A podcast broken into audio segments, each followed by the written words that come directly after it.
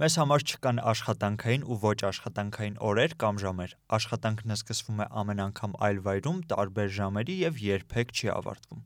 Պատճառը պարզ է՝ ինֆորմացիան ամենուր է, այն պետք է հնարավորինս արագ եւ մատչելի հասցնել մարդկանց։ Երեկոյան հերոստացույցով լուրերը դիտելիս կամ համացանցում որևէ հոդված կարդալիս դուք 1-2 րոպեում սպառում եք անհրաժեշտ այն տեղեկատվությունը, որը ստանալու համար լրագրողների ժամեր, օրեր կամ ամիսներ են պահանջվել։ Այդ լուրերի ու հոդվածների հիման վրա էլ մարդիկ ստեղծում են իրենց կարծիքները, ընդունում որոշումներ։ Այդ իսկ պատճառով կարևոր է, որպիսի այդ տեղեկատվությունը հնարավորինս անաչառ լինի։ Դուք լսում եք Encyclopedia Media գրագիտության ոդքասթը։ Ձեզ հետ Արեն Մելիքյանն է։ Էնցիկլոմեդիա՝ մեդիագրագիտության հանրագիտարան երեխաների եւ ծնողների համար։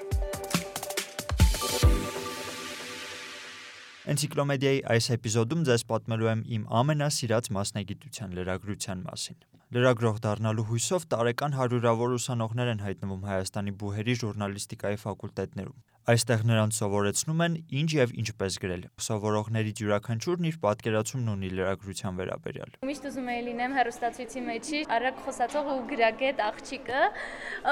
ու երազանքից հետքերով եմ եկել հասարակությանը իրազեկ պահեմ ու նաեւ այնպես անեմ, որ այդ իրենց իմացած բոլոր նորությունները լինեն հավաստի ու դրանից իրենք ինչ որ մի բան ստանան։ Լրագրողը այն մարդն է, այն անձնը, ով որ անընդհատ պիտի կարդա, անընդհատ պիտի սովորի, պիտի հաղորդակցվի, շփվի մարդկանց հետ ու ամեն ինչ իմանա, ամեն հարցի պատասխան լրագրողը պիտի իմանա։ Ճշմարտություն բացահայտող մարդկանց օգնող, որպիսի հասկանան իրենց իրավունքները, պայքարեն իրենց իրավունքների համար եւ հասնեն արդարության Ուսանողների մի մասն ուսման ավարտին հայտնվում է հեռուստաընկերություններում, ռադիոներում, թերթերում, լրատվական կայքերի խմբագրություններում։ Խմբագրությունն այն վայրն է, որտեղ քննարկվում, գրվում եւ խմբագրվում են լուրերը, որոնք դուք ավելի ուշ տեսնելու եք ձեր էկրաններին կամ լսելու եք ռադիոյից։ Այս անգամ իմ օրն սկսվում է ոչ թե իմ խմբագրությունում, այլ հանրային ռադիոյի լրատվականում։ Դե չգիտեմ, ոչ մի լուր չկար, երեք այսօր պետքա լինի արդեն Հələ մի հատ բան անենք, մենք շտամп ստանում ենք, մեր լաբորատորիաները շտամպ ուսումնասիրում անում են, կարա։ Այս խմբագրությունում 10-12 լրագրող է աշխատում։ Օրվա ընթացքում նրանք հանրային ռադիոյի ունկնդիրներին ապահովում են ամենժամյա լրատվական թողարկումներով, տեղեկացնում են վերջին զարգացումները։ Հանրային ռադիոյի լրատվական ծառայության խմբագիրն Արմեն Վարդանյանն է։ Խմբագիրն է կազմակերպում ամբողջ աշխատանքը եւ կազմակերպական, եւ գեղարվեստական, եւ ստեղծագործական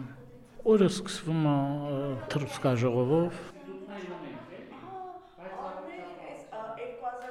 2019-ի վերջին առողջապահության համաշխարհային կազմակերպությունը հոդված էր տպել, որ մարդիկ մահացել են ավելի շատ վիրուսից, քան ռակից 2000։ Փորձում ենք կազմել մեր այդ օրվա ստեղծագործ աշխատանքների պլանը, բարձել ինչպիսի լրատվության հետ մենք գործունենք եւ այդ լրատվական այդ հոսքերից, որոնք կարող են դառնալ մեր համար լրատվական ռեպորտաժների թեմա։ Օրվա կարևոր թեմաները քննարկելուց հետո լրագրողներից յուրաքանչյուրն անցնում է իր թեմայի ուսումնասիրությանը եւ լուսաբանմանը։ Անի Մինասյանը հանրային ռադիոյի լրատվական ծառայության ամենաերիտասարդ լրագրողն է։ Անին սովորաբար ասուլիսներ չի լուսաբանում, սակայն այսօր այս գործը նրան մնաց։ Հա, հիմա գնում ենք մեր վառորդ Ռուբենի մոտ, ինքն է մեզ տանելու։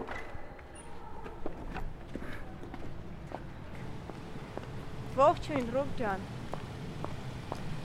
Գնում ենք Զարգերակ։ Անի հետ գնում ենք Երևանի մամուլի ակումբներից մեկը, որպիսի նա լուսաբանի նախորեին հասարակական աղմուկ բարձրացրած մի թեմա օրվա բաժանում ես ճունեմ, հա, գիշերը վերջացավ, առավոտը սկսվեց, որովհետև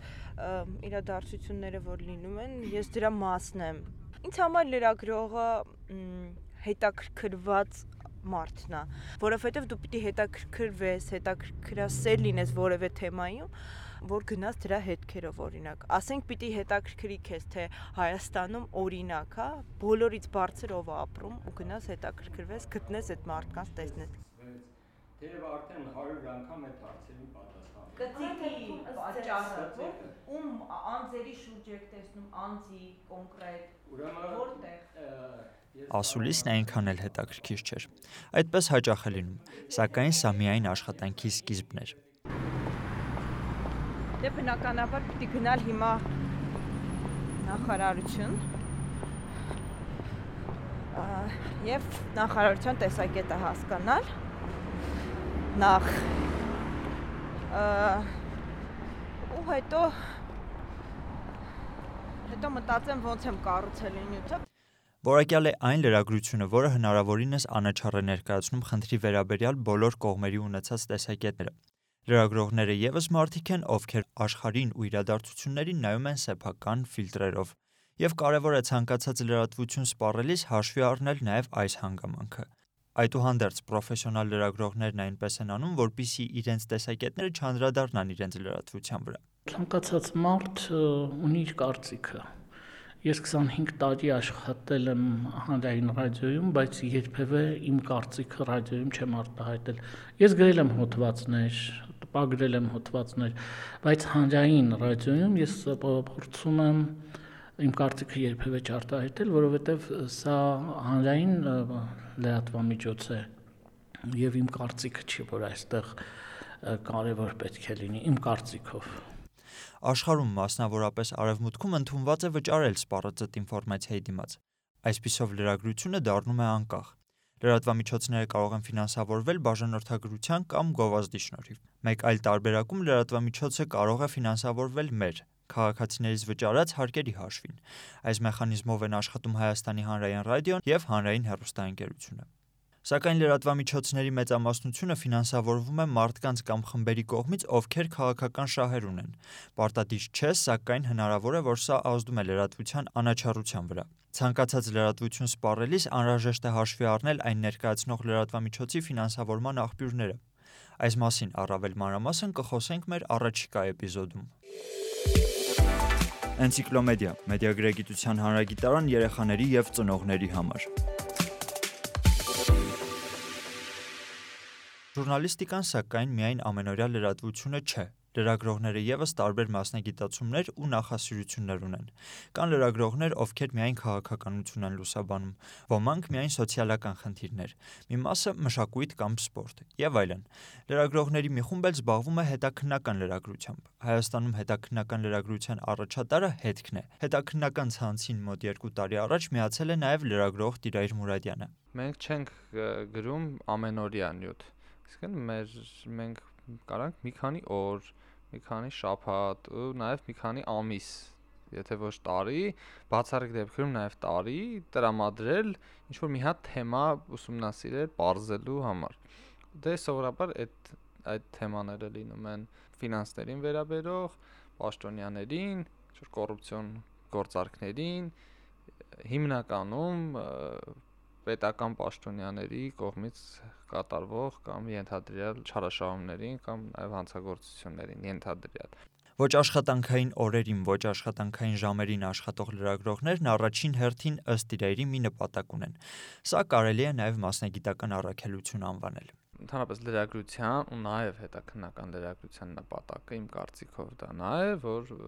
նպաստես փոփոխության։ Այսինքն այն միջավայրում, որտեղ դու ապրում ես, այն երկրում, որտեղ դու ապրում ես, դու քո գործունեությամբ կարողանաս նպաստես փոփոխությունների։ Դա նկատի ունեմ հենց դրական փոփոխությունները։ Այսինքն գրես խնդիրների մասին, այդ խնդիրները լուծվեն, գրես հանցագործության մասին, բացահայտես հանցագործություն, որ պատասխանատվություն կրի այդ օրինազանց պայմանական, ասենք, պաշտոնյան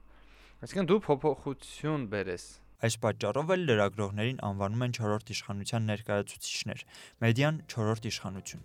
լրատվություն ապահովող ու հետաքննություններ անող լրագրողներից բացի լսարանին տեղեկատվությամբ ապահովում են ֆոտոլրագրողները, վավերագրող լրագրողները, կրթական, ժամանցային հաղորդումներ պատրաստող լրագրողները եւ այլոք։ Էնցիկլոմեդիայի հաջորդ էպիզոդում առավել մանրամասն կխոսենք այն մասին, թե ինչպես ընդունել եւ վերլուծել այդ հաղորդումները եւ առհասարակ տեղեկատվությունը, որpիսի այն բաց չթողնեք բաժանորդագրվեք մեր ոդքասթին։ Մեզ կարելի է գտնել Media AM կայքի Էնցիկլոմեդիա բաժնում Մենք հասանելի ենք նաև հանրային ռադիոյի Արևիկ մանկապատանեկանի եթերում։ Էնցիկլոմեդիա ոդքասթերի շարքը պատրաստում է մեդիա նախաձեռնությունների կենտրոնը ԱՄՆ միջազգային զարգացման գործակալության աջակցությամբ իրականացվող մեդիան քաղաքացիների տեղեկացված մասնակցության համար ծրագրի շրջանակում։